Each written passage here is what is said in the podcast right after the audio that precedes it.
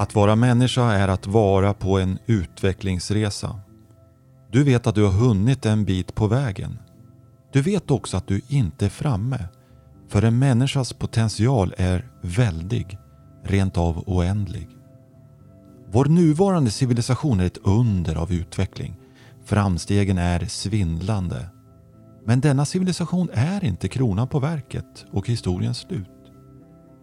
För på samma sätt som vi har närmast oändlig potential som enskilda människor så har vi samma väldiga potential som gemensam mänsklighet. Samtidigt lever vi i en svårtolkad tid och du vet att det därför är lätt för oss alla att känna osäkerhet och förvirring. Rent av rädsla, ångest och hopplöshet.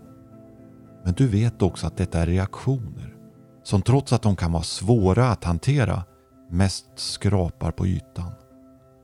För i djupet av din mänskliga natur, i ditt hjärta, vet du att en ljus framtid är möjlig.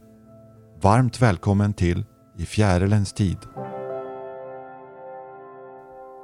I våra första fyra avsnitt lade jag, Fredrik Lidman och Karl-Erik Edris en grund för en syn på utveckling och transformation som är bärande för den här podden. Vi har slagits av kraften i metaforen om hur larven transformerar till fjäril via ett puppstadium. Vi ser hur vårt samhälle och vår värld får allt större svårigheter att försvara och expandera larvens logik. Den slutsats vi dragit är att vi lever i fjärilens tid och att larvens logik måste ge vika för fjärilens logik. Och fokus i podden läggs därför på de som likt imagoceller är bärare av fjärilslogiken mitt i det pågående larmet om problem och konflikter relaterade till larvlogiken. I detta avsnitt samtalar vi med Stina Balkfors. I den första halvan pratar vi om Stinas utvecklingsresa som människa där ett uppvaknande i 33-årsåldern ledde henne in på ett nytt spår i livet. Hon hittar då den grupp av människor tillsammans med vilka hon har byggt upp Tillitsverket. En verksamhet som vill bidra till att bygga en folkrörelse som stöttar barn, unga och vuxna att bevara tilltron till sina egna förmågor och att skapa ett mer levande samhälle att bo och verka i. Stina tilldelades Hillesgårdspriset för medmänsklighet och förståelse 2017. Välkommen till ett utforskande och öppet samtal med Stina om hennes utvecklingsresa och om hennes fjärilsarbete.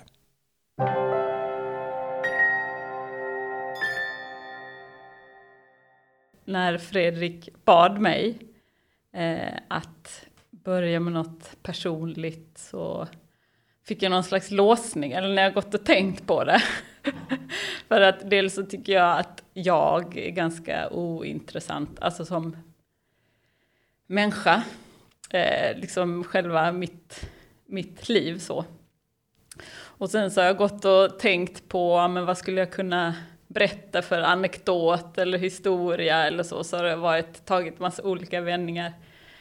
Så sådana finns det. Eh, men Eh, och sen när du säger det här med, ja, men vad var det som vad var det som fick dig att börja sniffa upp? Eller vad var det liksom när eller hur? Så, så blir det någon slags blandning av liksom, långt bak i tiden och inte så långt bak i tiden.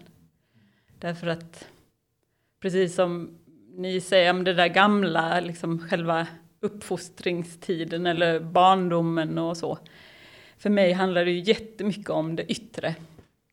Eh, och var ganska duktig i det yttre och är väl det fortfarande. Så här, kan göra en massa saker.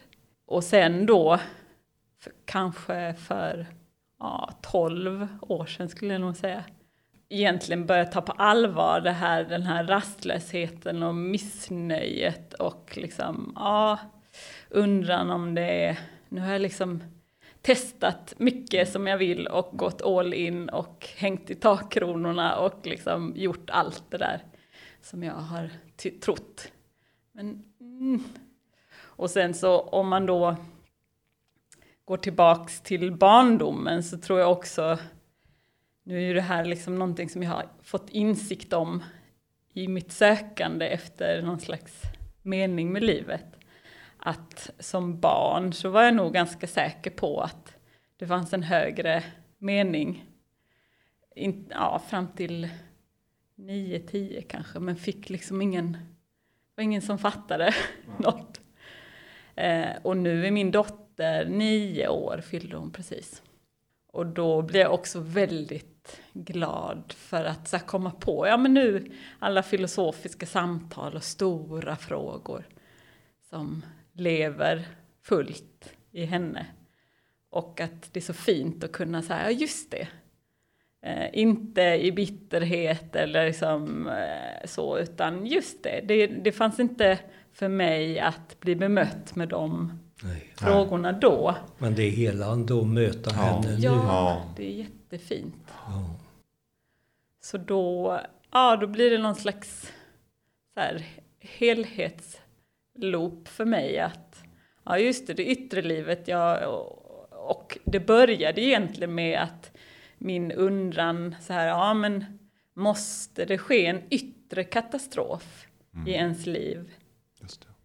Som det ju ofta är att man när man börjar ta sitt liv på större allvar mm. eller måste det ske någon, liksom, ja, en, en kris. Så. För att skaka om? Ja, för att, för att skapa stor förändring i sitt liv.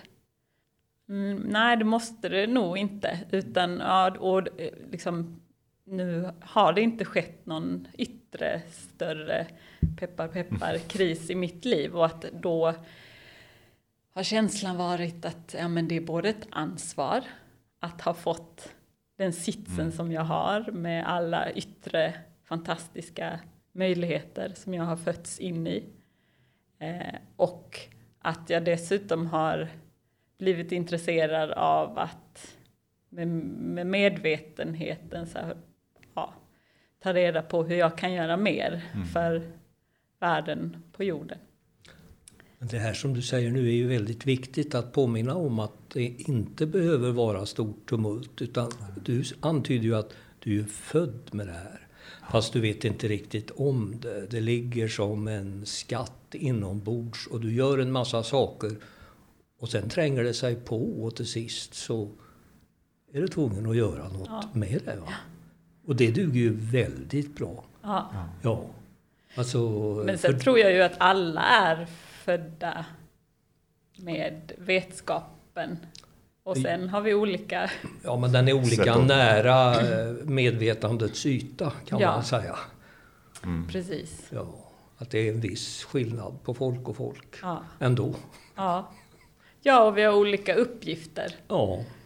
på jorden. Liksom. Så att jag, ja, och där, men och då kan jag ju pendla mellan att vara så jättefrustrerad mm. över att allting går så långsamt och mm. att jag att, ja, drabbas av stor världssorg för att det är så svårt och tungt ja. och så till att så här, bli alldeles uppfylld av hur mycket som går att göra i det mänskliga mm. och att det är det som är vägen. Ja, tid är ju komplicerad. Om man känner hur det skulle vara och hur det borde kunna vara mm. och så vidare så är det ju inte så kul att det går till synes långsamt. Man kan ju tycka att det är ju redan här. Varför måste vi ja. fästa så stort avseende vid att göra på något sätt som vi inte har någon glädje av? Ja. Men eh, ja, man är tvungen att anpassa sig. Jo, Bevara det. sitt goda humör. Ja, och sen kan man ju välja då att sätta sig i Ja men att inte, eftersom det också är en ganska skör insikt om livet, eller det låter ja. liksom så har jag haft perioder där så här, men det här måste jag kupa händerna om. Ja. Mm. Jag kan inte liksom gå ut i världen Nej. och stå på barrikaderna med insikterna och min vilja jämt, liksom, utan det gäller att vörda det lite. Och det mm. upplever jag lite att ni, ja det känns som att Ja, jag har väntat hela livet. Ja. Ja, till och med det. Ja, alltså sen lite, ja, jag mådde ju dåligt i början naturligtvis och tyckte, undrade vad för ett jävla ställe jag hade hamnat i. Men alltså mm. vänta och vänta, men så kommer det ju människor och så händer det ju saker. Så det jag tycker numera det är ju att eh, det gäller ju att bevara den där inre känslan av kontakt med hur det skulle kunna vara. För om man kommer ur den så blir ju ens handlingar färgade av ett annat medvetande och då blir det inte lika bra. Ja, just det. Och sen får man ju finna sig i att, att det är svårt att bedöma vad som är att det går långsamt. Det kanske går fort. Man, alltså jag Ja, tänker på det är det det. andra medvetandet som säger till en själv, jag känner igen mig det, att det går långsamt. Ja, Någon måttstock. Men det medvetandet, du beskriver, det är, inte- ja, det är kanske inte medveten om tid ens. Och, Nej, ibland fa- fantiserar jag ju om om man blev tusen år gammal och så när man hör här med hur man pratar om olika kriser och så. Ja, och så har man då upplevt 30-åriga kriget eller Ja. någonting sånt så kan man ju säga vi har det ju rätt bra nu. ja, Så att vad man har för perspektiv själv när man övertygar sig om att saker går för långsamt.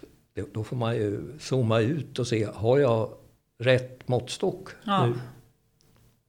Och, så, och sen kan det också vara bra att det stannar upp ibland. Va? För det kan ju vara, man är ju inte medveten om vad som behöver mogna fram i en själv. Utan det kan ju vara en stund av frus- frustration som behövs och sen väller det upp något annat. Sen händer det något, det kommer en person. Det blir någonting som gör att det öppnar sig något nytt. Bara för att man har stått ut med att eh, känna det där. ja, Att nu är det något slags propp i flödet. ja. Ja. Jo, men det är ju ett arbete ja. att vilja det och inte bara ösa på. Liksom. Kan vi ta oss tillbaka till den här 33-åringen Stina Mm. och propp i flödet om det var ett sånt. För det lät, ja, kan du beskriva lite, hur, vad var det som, hur var det för dig då och vad, vad hände sen liksom? Ja, men alltså jag... Jag var ju väldigt så här jättefull av initiativkraft. Och jobbade med jätteintressanta saker och relevanta saker och så som kändes angelägna.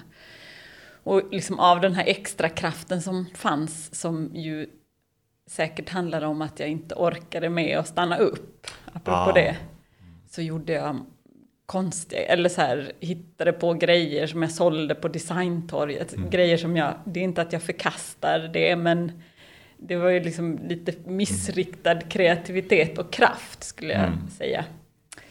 Eh, Men så här fyllde, fyllde mitt liv med massa saker. Och samtidigt så här en molande, ja, är det bara det här? Är det verkligen så? Ska jag göra mer av det här? Eller vad är det som ska... Så? Kommer jag till min rätt nu? Det låter ju som en ganska konventionell livskris. Eller så, att det är en väldigt vanlig, en vanlig situation att komma i. Men sen så började jag i terapi. Mm. Och var jätterädd för det, för jag tycker att jag är alldeles för smart för Ja, just det. Det här borde jag ha listat ut innan. Ja, men eh, då träffade jag en person som fortfarande är min ja, livsmentor. Och det är, ja, det är ju så sedan 33 år. Så det kan bli. Ja. Eh, och hon har också, eh, Kristina Vränghede heter hon, hon har också liksom gått från att vara terapeut, hon har- var pedagog Mm. från grunden och sen var terapeut till att nu ja, verkar vi tillsammans i Tillitsverket. Det har ju varit helt livsavgörande för mig eh, att möta någon som har gått så mycket före men som jag känner så mycket samhörighet med.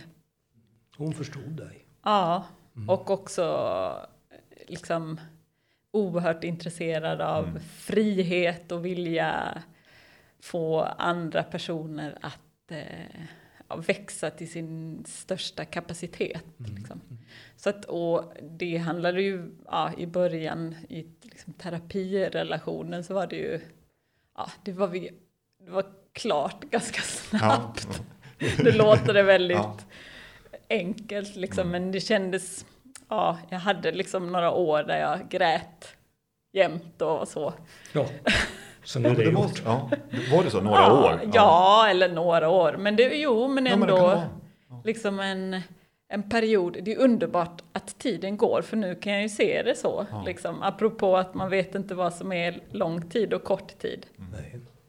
För att då var det ju liksom en period i mitt liv där jag sa, jaha, men vad, vad handlade det om och vad handlade det om och ja, men här finns ett val. Ja, liksom. Vad handlade gråten om tror du? Så här Ja. efterhand? Ja, det har säkert att göra med den här som det säkert ofta har, att inte ha blivit sedd för den som känns där inne, liksom. utan att det allra mest har handlat om det yttre. Så en sorg. Ja, Över- och, så, ja, och då var det ju en sorg. Och sen Ja. så här, ja, bra. Bra. Jag har fått fantastiskt mycket möjligheter av mitt liv. Den biten blev inte riktigt eh, uppskattad eller liksom sedd. Eh, men tänk att jag är här nu. Ja. liksom. Ja. Så att, ja, det har också varit liksom en, en medveten process såklart. Att inte fastna i det heller och i liksom upprättelse och... Jag var ett offer, ja precis, nu är jag ett offer för Ja. den där barndom eller vad man nu får, ja, eller samhället och vad de plockar på med. Men det är klart att jag har liksom det, men det, är inte, det, det definierar liksom inte mitt liv så mycket som jag trodde, då trodde jag ju det liksom. Alltså det är ju, det, när det gäller det där så är det ju en konstig balans mellan, att, mellan sanning och förlåtelse och inse vad det var som var bra. Alltså man kan ju inte lämna en sak förrän man också har insett vad det, vad det finns för någonting i det som också var bra. Alltså, så, så länge man är kvar i och eh, allt som var, gjorde ont och som, ja, som gjorde att man växte lite snett eller det blev någonting. Va? Så länge man är kvar i det så är det väldigt svårt att inte då gå tillbaka till smärtpunkter ideligen. Va? Ja. Och det är klart, livet kan ju vara, man kan ju behöva gå tillbaka flera gånger, alltså livet som Ja. spiral. Va? Ja, alltså att man klarar upp det på en nivå så klarar man sig 10-15 år men sen är man tvungen att göra en ny repa och förstå det på ett nytt sätt. Va? Ja. Ja, men hela tiden ändå putsa fram att det var inte enbart dåligt utan att det är, finns alltid inslag av det som man får lära sig att uppskatta. Ja, och så är det ju en oerhörd hjälp både att liksom höja perspektivet i tid, i Ja. någon slags evighetsperspektiv eller i större. Och sen kan man gå till flyktinglägren i Jemen och tänka Ja. på hur de har det där och då är det inte så... Det är svårt för, Svårt Sti- för. Stina att göra en turné i Jemen och tala om hur, vilken svår barndom hon hade. Det, det kommer Ja, inte att då- imponera. Eh, Ingen utav oss. Det blir inte så Ja. imponerande när vi båda alla och ska det handlar ju inte alls om att liksom förminska min upplevelse Nej. eller liksom inte, men, Nej. men det är ju att hämta kraft och relevans och Ja. liksom perspektiv ut att ja, men nu, ja, jag behöver inte det. På många sätt är ju, eh, vad ska man säga, rengöring i sitt eget psyke. Det handlar ju mycket om att få tillgång till den framåtriktade kraften. Alltså att eh, göra det man kom hit för att göra. Det var ju väldigt bra Ja. uttryckt. För det, ja, det är precis så det har Ja. känts som den. Ja, för man kan ha det uppknutet då va, i eh, saker som har med det förflutna att göra. Där man tycker att man blev orättvist behandlad eller inte fick den näring man ville eller behövde. Och, ja, du vet. Ja. Men alltså man får glömma och förlåta. Men det ska vara klart hur det är. Man ska ju inte släta över utan det ska ju vara sanning. Man ska se hur det var, man ska förstå hur man blev misshandlad och vad det innebar. Men nu är jag fri. ja, och nu, ja, Nu har det lekt. Nu har jag, nu, och sen är det ju alltid en strävan tycker jag. Nu, Mm. jag vill inte heller sitta här och verka som att ja, men allt är färdigt. Men det är ju Nej. liksom, det är någon slags paradigmskifte som har skett liksom där att vilja verka för något Mm. större och också hitta, hitta och vilja skapa ett sammanhang Mm. där det går att göra det. Ja, man har ju det där inskrivet i sig själv tror jag. Att eh, när det blir tillräckligt lite som suger bakifrån så börjar man att se, jag pratar ju ibland med kontraktet med kroppen, alltså man har lite olika paragrafer men det finns mycket damm och smärta och förtvivlan och oklarhet och påverkan utifrån, samhälleligt och individuellt. Man får blåsa bort de där dammkornen så börjar det att framträda väldigt tydligt vilken väg man ska följa. Det är ju inte det att man ser som i förklarat ljus, att nu vet jag exakt. Havet delar sig. Ja, det här, nej, ja. utan, utan det är liksom bara känslan av att nu tar jag några steg på Ja. en väg, det verkar spännande Ja. och så kommer det människor och sen uppenbarar det sig allt eftersom. Och då känner jag att ja, nu är jag på rätt väg. Det är, Det är någon slags grundtillit till ja, livet. ja, och man är beredd att ta de smällar som kommer på den vägen för att man känner sig säker på att det går att lära sig av det också. Kryssa fram i tillvaron till, för att få fram den bästa varianten av sig själv. Hur var det där för dig efter de åren som du beskrev, runt 33 där och, och, och vägen öppnade sig? Var det så för dig då kring det här framåtriktade? Vad hände efteråt? Det är det. Ja. Alltså det är ju det som händer nu, jag på att säga. Eh, det känns så. Att det är liksom, ja men en, den delen av livet som handlar väldigt mycket om det yttre och det tror jag också att det är ju det som är, alltså det behöver man ju som människa Ja. att ägna sig åt att vara på jorden liksom och, och bygga sitt liv i sin kropp.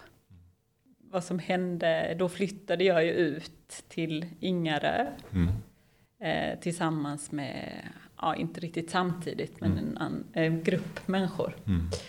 Och där vi liksom började skapa, började undersöka hur vi skulle kunna verka tillsammans egentligen. ja. Väldigt, eh, inte i någon slags form eller så, utan och samtidigt tillsammans också ja, utforska vad det är att vara människa. Liksom, Att fortsätta, och det känns som att vi fortsätter att ha det Mm. samtalet och att det är underbart att läsa böcker och förstå med sitt intellekt. Och det är kanske lite lättare att göra det än att leva det Mm. Ju. Ja. Eh, Så det är väl det som vi eh, gör eh, som tillitsverk, att vi arbetar tillsammans och försöker skapa initiativ tillsammans och, och så, men också använda det som vi Ja, det som händer oss emellan men också eh, liksom i det vi försöker att förmedla till någon slags livskunskap. Liksom. När fattade ni att det skulle bli ett tillitsverk? Hur såg det ut i början? Ni, eh, Ja, det är nog lite olika vem, va, när det droppade ner Ja. liksom, Ja. eh, tror jag. Men vi, eh, det kanske var två år in som det liksom blev ett, ja men någon slags ni började känna Igen. att det är nog det vi ska göra. Ja, och jag, jag tror att jag hade bestämt mig, fast jag visste inte vad det var jag hade bestämt Nej, du har bestämt mig dig för att det ska bli någonting. Ja. Ja. Ja. Eftersom jag ganska, eh, radik, liksom det mest radikala jag har gjort i mitt liv tror jag, att jag så här, men det, jag ska bara flytta. Liksom. Det är Ja. bara, det, är apropå Ja. vad som känns helt sant. Mm. Så eh, fanns det liksom, jag var så tydlig, men jag behövde inte få någons bekräftelse Nej, av att det här nej. var rätt. Det var jag bara en, vet. ja, det var, Hela fanns jag inget snack. ja. Och vi satt liksom på eh, bankkontoret och var liksom helt övertygade om att det här lånet skulle gå igenom fast det var helt omöjligt egentligen. Ja, och då, ja. då gick det liksom. Så att jag, eh, där var det någon slags eh, väldig surfvåg. Ja. Och så blir det väl kanske när det är en sanning. En viljakt. Ja. Så här ska det bli. Ja. Ja, det ska bli åt det här hållet. Ja, Och sen är kraften May the force be with us. Ja. ja Så kommer det va? precis. Och då, ja det, det kan jag fortfarande tänka tillbaks på den perioden. Att det Mm. liksom, och försöka kroka i liksom Mm. att det handlar om, är det, är det sant så, så går det inte att man inte behöver, kan bara sätta sig, luta sig tillbaks utan att det är liksom, det går att jobba för. Jag tänker, men det kanske väl som har med mig att göra, att jag vill inte svika mig själv tänker jag. Om jag vet det där i mig själv, vem är jag då? Om jag sviker det som jag vet? Ja, Ja, nu är- behöver inte du ha tänkt så, men jag får den Nej. känslan. Nej, då, vad är det då? Vad håller jag på med då i livet? ja just det. När jag vet. Men då var det nog mer bara, Ja, liksom push. fanns inget, Gör det. fanns Ja. inget tvivel Nej, alls. nej, Sen, sen har jag haft tvivel. Det får man ha efteråt. Jo, men alltså Men det inte är ju... just på den punkten. Nej, men de där besluten tas ju inte efter rationell analys. Utan det är ju bara en mäktig övertygelse. Det blir lite grann som när man kokar något vatten, bara vatten eller vad som helst. Det kommer upp en bubbla. Va? Men den, är så, alltså den där bubblan har kommit upp igen, det finns inget annat. Va? Och, och, och är man inte mottaglig för att göra saker på ett annat sätt. Man kan naturligtvis inse att det har sina komplikationer sen. Ja. Men i själva ögonblicket Nej. så finns egentligen allt. Ja. Det, och, och då ska man ju inte sitta där och hacka sönder saker. Jag säger ju ibland att man har väldigt svårt att förstå sitt eget bästa. Skulle man ha varit rationell i sådana där ögonblick när liksom livet bara klämmer ut en på något nytt. Då skulle man ju inte ha gjort det. Nej. Och skulle man veta hur komplicerat det var så kanske ens lathet skulle säga att nej, jag, jag gör något bekvämt. Ja, och blir cyniker istället. Det var ju roligt, livet klämmer ut en på något nytt. Ja. Jag tyckte det var bra. Det klämde ju ut en Jo, men det när börjar ju så Ja, ja. också det när man så. föds. Va? När Ja, man, ja, visst. när Man kläms ut. Ja, ja, när man föds alltså, det är klart man kan känna sig lite tveksam. Är det, är det, kommer det här verkligen att sluta lyckligt? Ja. Var Så- har jag hamnat? Ja visst, och så lyfts man ju upp där om vi är där nu. Och I alla fall gjorde de så när jag var liten. Att de höll en som en fisk så här i fötterna och sprutade lapis i ögonen. Och man skrik som en stucken Precis. gris. Välkommen hit.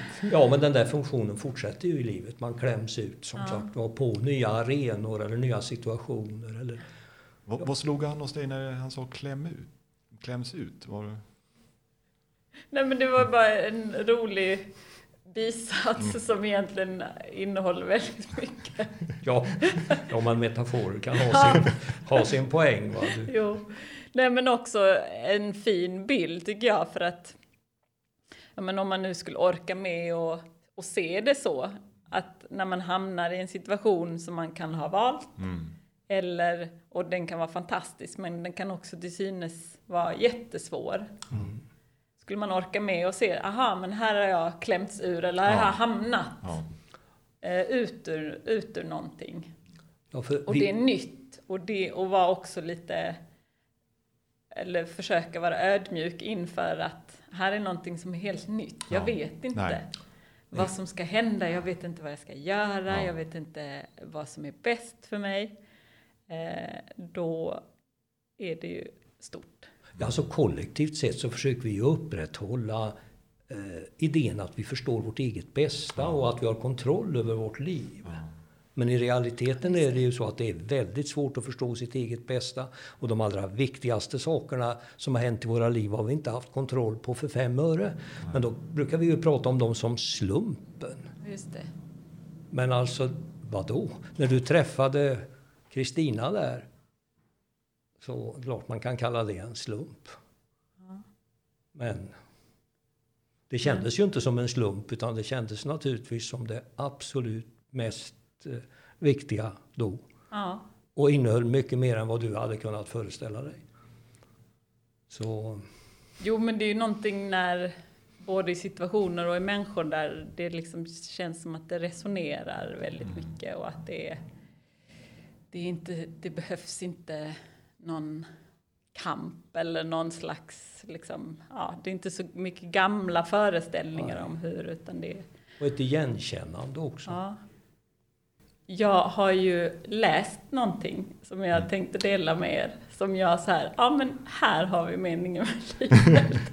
Jaha, så nu, nu ska vi få veta Ja, hur det är. Ni som lyssnar här, nu får ni haka på här. Nej men det Nej, kändes bara så här, men gud, det var ju väldigt enkelt förklarat. Ja. Men eh, att en del, det finns två delar av det, men den ena är att man som människa i frihet ska lära sig att välja. Så att i frihet välja mellan det goda och det onda. Det vackra och det fula. Och det sanna och det falska. Och det tror jag mycket på. Därför att ibland undrar jag, när vi, eftersom vi håller på så mycket med lek och skapande och, och varför är det varför känns det som min väg? Mm.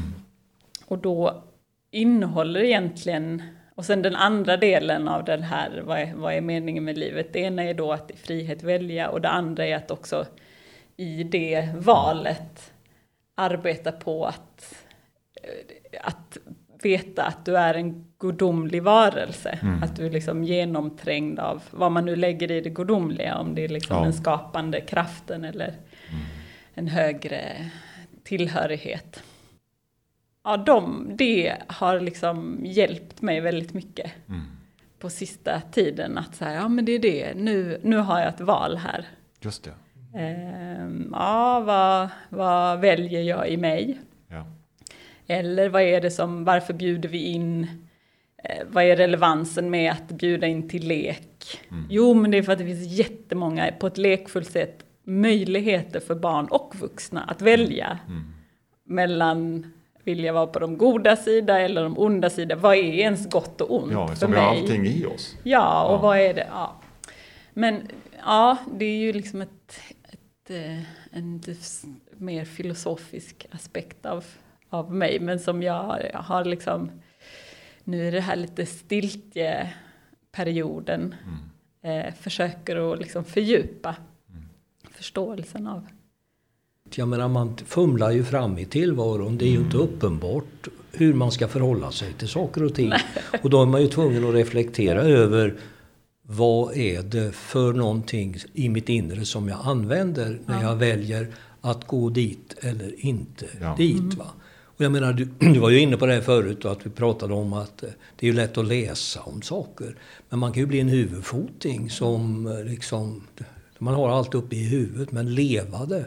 Ja. Ja, så att om man är inne i det här flödet och försöker att förverkliga något som man inte har full kontroll på. Då är det ju ständiga avgöranden. Vad som är rätt. Som gäller personer, vad man ska göra. Och det är ju det som är livet. Va? Istället för att man bestämmer sig rationellt för vad man ska förverkliga. Och så manglar man på som om man vore general för en armé. Va? Det här är ju en mycket mer bubblande kreativ process. Alltså mer en upptäcktsfärd. Trots att man är inriktad mot ett mål så är det ändå en upptäcktsfärd. Så um, det, men för, för min del i vad du sa så kan jag verkligen, ju mer jag har kunnat få in förmågan att reflektera över vad jag gör och inte gör. Så är det, det, där, det där slår an verkligen seriös ton för mig. Alltså seriös i mitt liv. Att det är ju valsituationer. Det är där det definieras vem jag är. I de där valen. Och också förstå vad som är vackert respektive fult i mitt liv. Hur kan jag gestalta någonting vackert?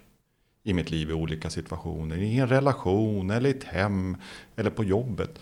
Det är jag som tycker jag, jag verkligen inte haft sett livet som vackert och fult och sådär. Alltså i mitt eget liv när jag värderar mig själv. Har börjat lägga in mer den dimensionen i mitt liv att göra vackra saker. Jag till och med säger ordet ofta, ofta idag. Nu var det för att jag var officer från början, då kanske de inte så vackert så mycket och jag var ute i näringslivet och, och, ja, sådär. Så, att, så det är inte bara det, men det är någonting där som har betydligt djupare betydelse för mig. Och den här podden till exempel, att sitta med dig här idag, det är någonting vackert för mig. Jo, det, det känns som att det är väldigt kopplat till vad det är att vara människa. Ja. Att vi är att vi är skapande varelser och att de här tre, liksom, det är i att använda sig av att vara en skapande människa. För det är klart att det är ju att vara skapande, Ja. att, se, att se det mänskliga i det. Jag tänker ju på det här med att ni jobbar med att få fram tillit. Och sen i en sån här då paus så får man ju en träning i att ha tillit till att det går nog bra ändå det här. Och att det möjligen kan vara så att det kommer upp nya idéer om vad som skulle kunna göra arbetet ännu effektivare och att man i lugnet kan förstå vad det är som behövs nu. För det händer ju saker med många människor. Alltså det här att man kommer ur den här egofixerade konkurrens och förhandlingslogiken så att man kan komma in i grupper arbeten som gör att man slår sig själv med häpnad och man märker liksom att lösningen på problemen kommer någon annanstans ifrån än att jag har vunnit en rationell argumentation. Det är liksom, återigen är det väl så att då klämmer gruppen fram någonting och man känner, ja det här kom vi på, var kom det ifrån? Mm. Alltså, det, att, jag har uppfattat det som att det är den processen som ni måste jobba med efter ni, som ni kallar er, Tillitsverket. Mm. Att, eh... Jo, och, och å ena sidan när det går i flöde så är det ju precis den processen du beskriver. Vad var det som hände? Hur kunde, ja. vi, hur kunde det bli så här? Ja. Eh, och när det inte då uppstår att så här, jaha, men varför, varför blev det bara grus här? Ja. ja. För att det blir det ju såklart ja. eftersom vi är människor. Ja. Och då vara intresserad av utan att liksom slå varandra i huvudet med vad var det som gjorde att det blev stopp här. Ja. Och då orkar man med att ha den mm. processen ja. liksom, i medvetenhet och också liksom att det hela tiden vilar i någon slags kärleksfullhet. Mm. Att det, finns, det finns ingen avsikt här Nej. utan det finns en intention att vi ska hitta till någonting. Då kan det ju bli jättefantastiskt. Mm. Eh, ja, det här finns ju visionen av att man kan förvandla hela samhället och relationerna om man kommer in i det här sättet att arbeta tillsammans. Ja. Alltså för då, då blir det ju fritt fram, höll jag på att säga, för våra bättre sidor. Det... Men sen en annan, ett annat tema som lever väldigt eh, mycket, liksom, ja, en rubrik i mitt liv. Mm. Det är idealitet. Ja. Och det kan jag tänka mig att ni också ja, ja. är liksom fyllda ja. av. Eh, och jag menar inte att jag är fylld av idealitet, men jag har ju liksom börjat intressera mig för vad, vad innebär det att leva sitt mm. liv, mm. liksom sitt liv ur idealitet och ha en sån världsbild. Och vad det eh, gör med ens val och vad man har för föreställningar av vad som är eh, liksom, ja men minst det här i mitt liv, det här kan jag dela med mig av, ja. men det här kan jag inte dela med ja. mig av. Och, att, och, och pengars makt, eh, som också är jättespännande att mm. förhålla sig till. Eh, när man driver en verksamhet som vill hur mycket som helst, men där det är eh, helst ska man passa in i ekonomiska mallar och så gör man inte det fast vi vet att vi, vi kan göra hur mycket som helst mm. med ideella krafter. Ett väldigt tydligt exempel var för några år sedan när vi hade arbetat ganska länge på att få till ett samarbete med en kommun mm. med en verksamhet, en, ett socialt bakeri, bageri. Och liksom, ja, med en målgrupp som var väldigt svår, är väldigt svårarbetad mm. och ett, ja men apropå en ny, mm. verkligen ett, ett nytt slags projekt. Och jag hade arbetat mycket med de kommunala tjänstepersonerna och mm. byggt upp tillit och vi hade båda två, båda parter jobbat mycket för att liksom få fram en möjlighet. Mm. Och de kom fram till efter en lång period att ja, men det finns den här påsen pengar. Mm. Men då, då behöver ni också ta emot en annan målgrupp som då inte alls passade i, I konceptet. Saken. Nej. Som förstör hela idén. Ja. Precis, så man ut ur inlevelse för den andra målgruppen så var det helt vansinnigt. Ja. Men, och då från tjänstemannahåll så var det så men vad är problemet? Jag har ju fixat pengarna. Ja, då förlorar man omdömet helt Ja, plötsligt. och då var det ju jättesvårt för mig att släppa taget och säga nej men då går det inte. Mm. Men det var ju helt sant. Liksom, att ja, det skulle inte gå. Ni försökte sen göra det men det gick inte. Nej, vi, nej det, det bara... jag fick säga, vi nej. sa nej, det går, vi kan inte göra det på mm. de premisserna. Och då är det ju väldigt skönt att inte vara själv, mm. att vara ett tillitsverk. Men att pengars, ja men egentligen, nu är det ju en oerhört privilegierad utgångspunkt liksom att mm.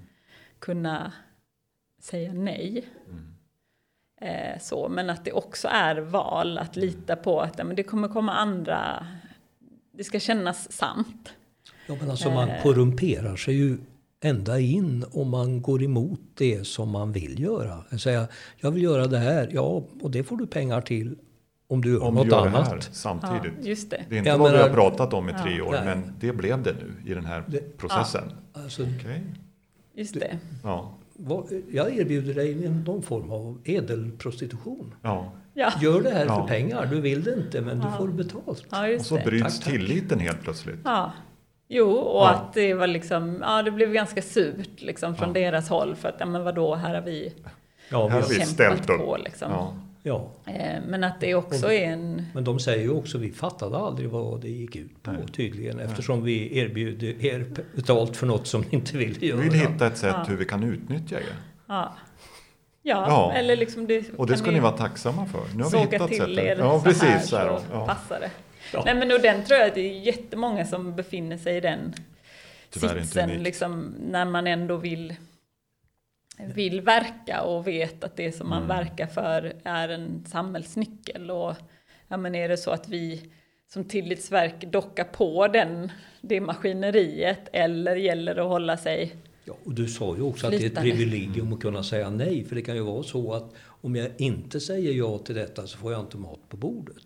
Ja, Ja. så alltså är det, det, finns ju fullt ju- av slaverikontrakt av Ja. olika slag världen över. Att man är tvungen att göra både det ena och det andra. För att annars har man inte mat på bordet. Inklusive. Sverige, Ja, såklart. Ja, men och då tror jag att liksom, den här typen av initiativ som bygger så mycket på liksom, någon slags världsbild eller liksom, ja, en, Mm. en eh, syn på människan. Det går inte att kompromissa Nej. där. nej. Utan då, ja, då får vi hitta pengar, antingen inte, inte göra av med pengar på den här månaden liksom, eller hitta någon annan väg. Liksom. Och dessutom, alltså det finns ju, du sa ju idealitet här förut, men alltså då kan man ju säga från det etablerade sättet att fungera så framstår det ju det här plötsligt som idealistiskt och orealistiskt. Ja. Medan den här slaverimodellen, den är realistisk. Men saken är ju den att om alla vore i det här andra medvetandet så skulle vi ju kunna bygga upp ett mycket friare och sannare och jämlikare samhälle. Naturligtvis, för det finns ju en helt annan kraft när det är människans djupaste inre är engagerat och levande i det man gör. Ja. Alltså, då älskar man ju det man gör och, och har råd att vara ja, vad ska man säga, tolerant och öppen mot andra människor. Alltså det finns en enorm kraft i det. Väldigt starkt utav er att kunna stå emot den frestelsen. Apropå vad som är sant, du sa ju tidigare, sant och falskt Ja. för dig och er där. För man blir ju prövad om vi använder den.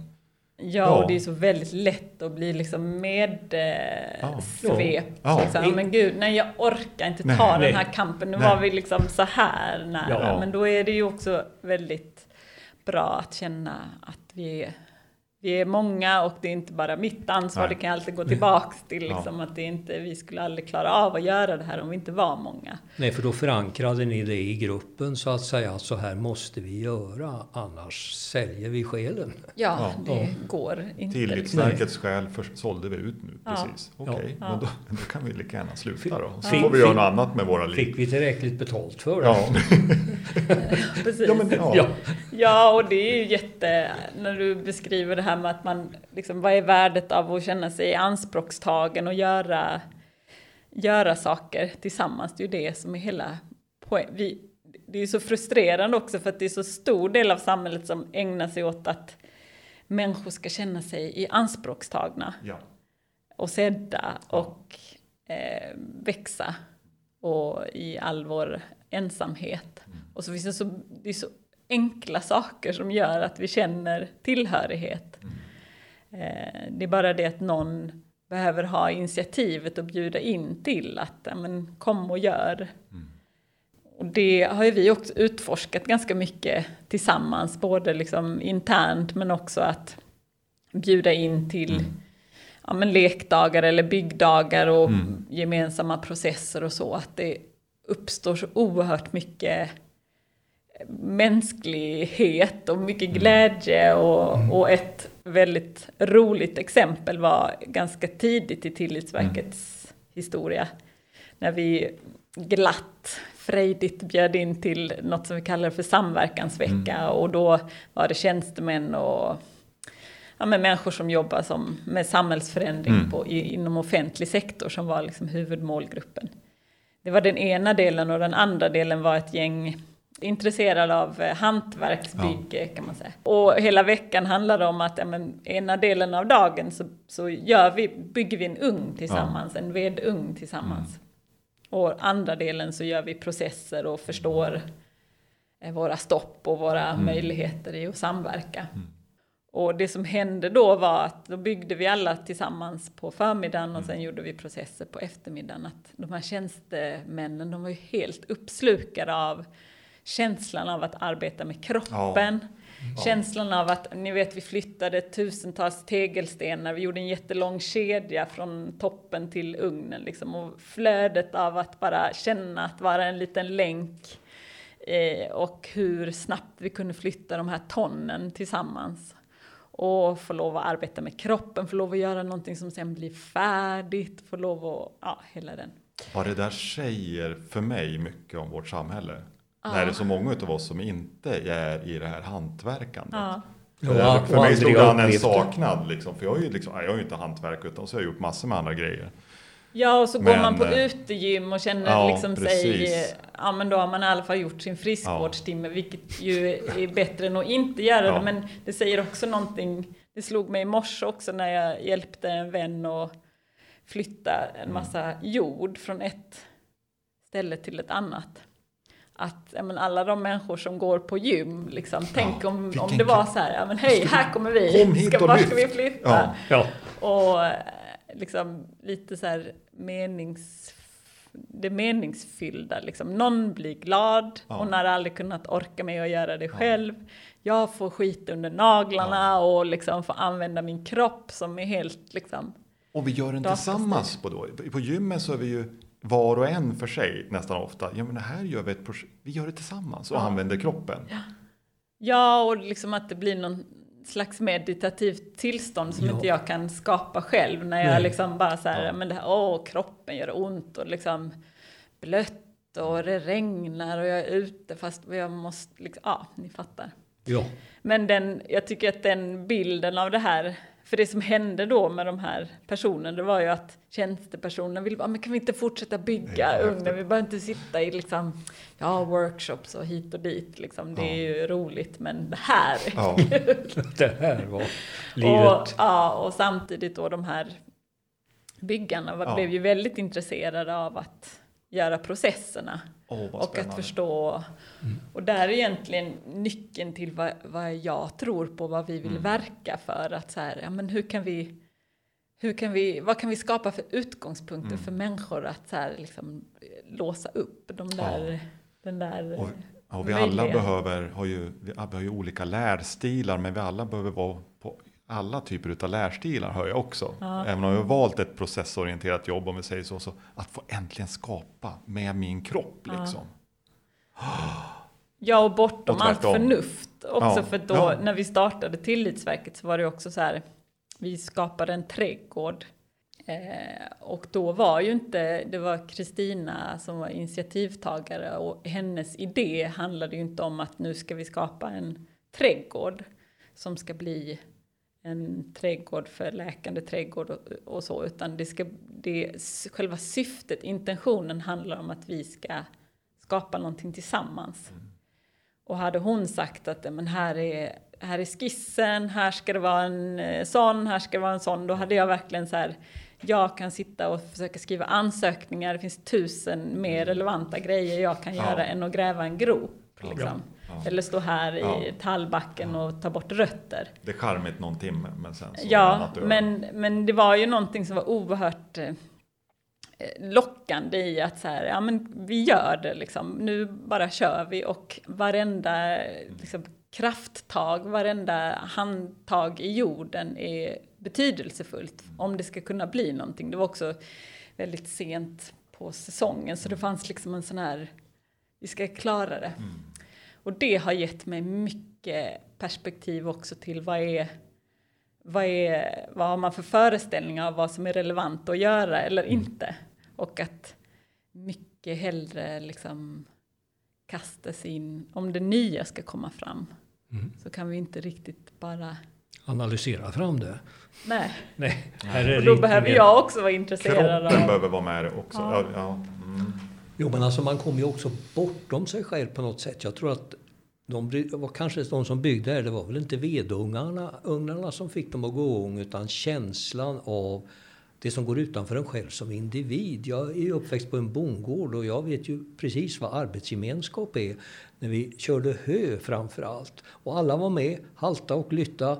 Vi var alltid glada kritiserade inte varann. Och det tala om att hålla på med några strån när man är liten och svag. Men liksom känslan av att nu gör vi det här tillsammans. För att om inte korna får mat så får vi ingen mjölk att sälja. Och då kan vi, ja, ja, då kan vi inte köpa det vi inte kan odla själva. Och ja, du vet alltihop det där. Men den där känslan den har aldrig gått ur mig. Att det där är det är något speciellt. Alltså man kommer bortom sig själv. Och jag tror det är den känslan de här personerna då som bygger en stenugn känner att oj. Ja. Och att man också tycker om de där personerna som man kanske inte skulle gilla i, eh, i, i vad heter det, kontorsrummet. Man tänker det där är ju en avig jävel som Ja, alltid ja. ställer konstiga frågor. Men här funkade det och det är en slags eh, ja, bortom personlig glädje i det. Som man skulle vilja ha med även ha med alltid.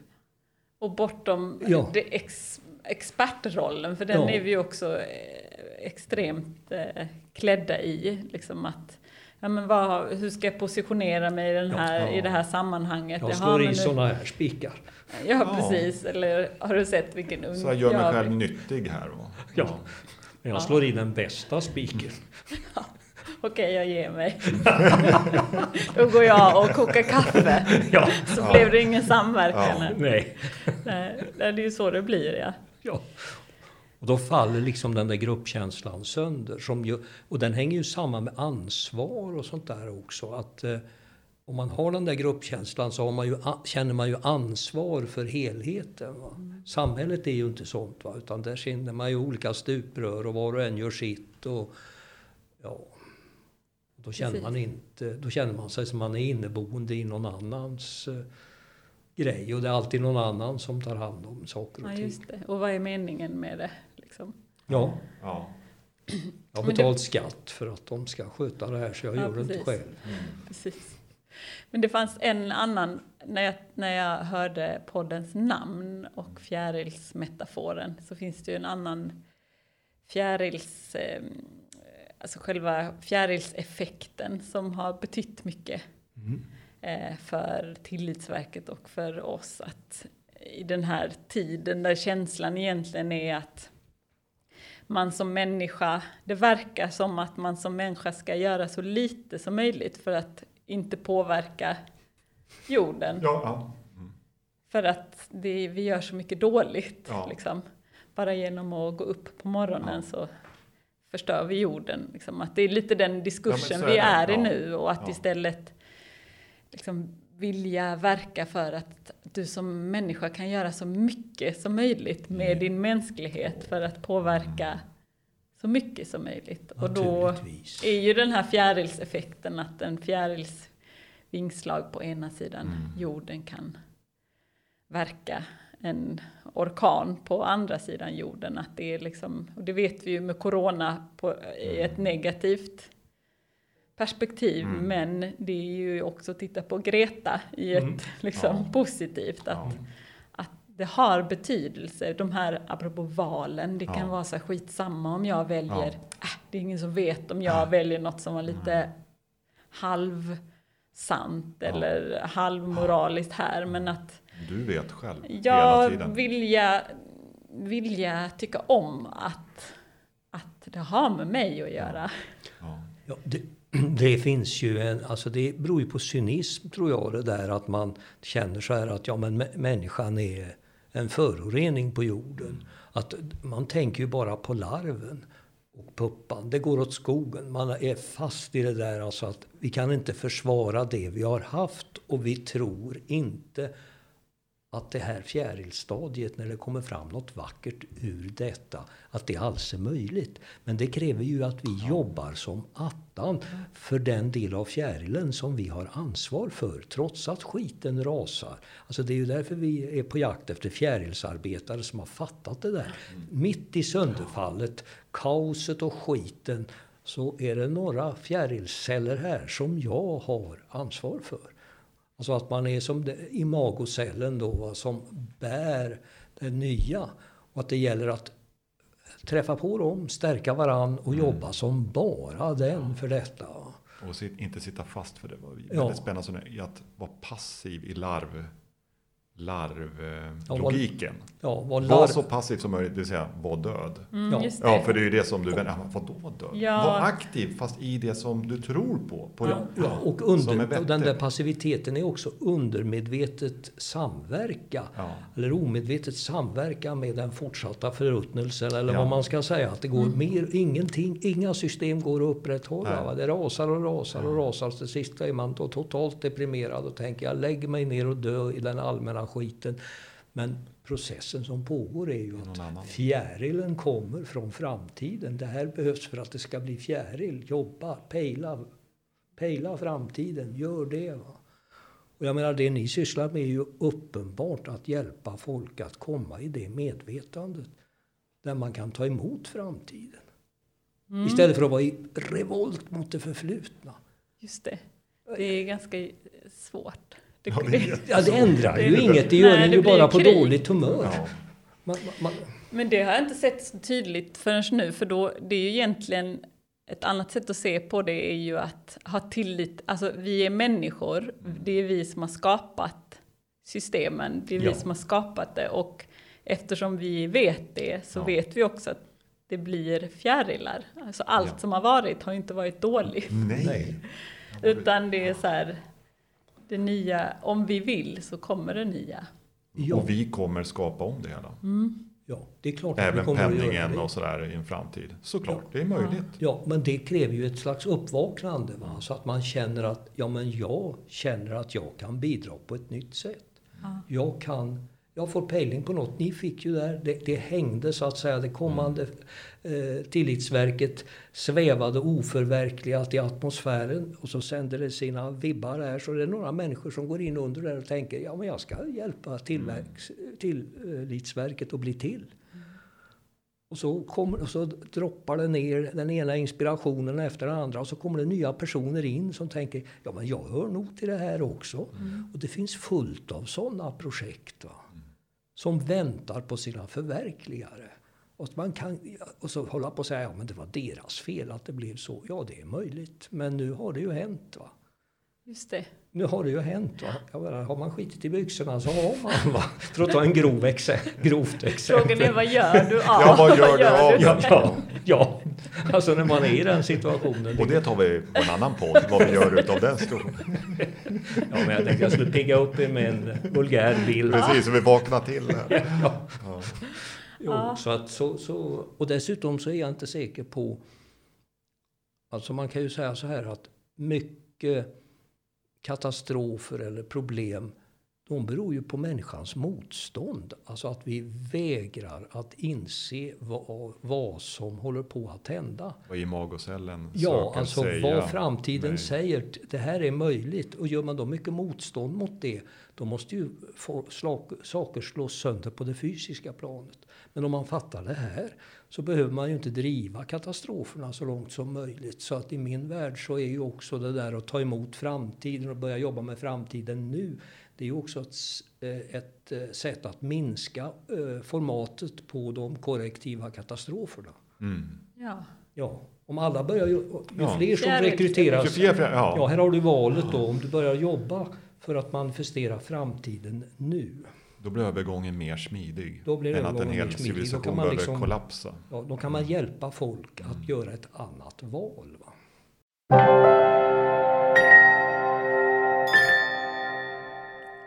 Vill du veta mer om Tillitsverket så hittar du information på www.tillitsverket.se. Vi tänker fortsätta att bjuda in fjärilsarbetare Och vi gör det för att vi vill undersöka och inspireras av deras praktik och förstärka det framväxande nätverket av fjärilsarbetare. Men vi gör det också för att vi hoppas kunna ge näring och stimulans till våra gäster i deras fortsatta fjärilsarbete. Det är nämligen en krävande sysselsättning att få frön från framtiden att slå rot och blomma ut i nuet.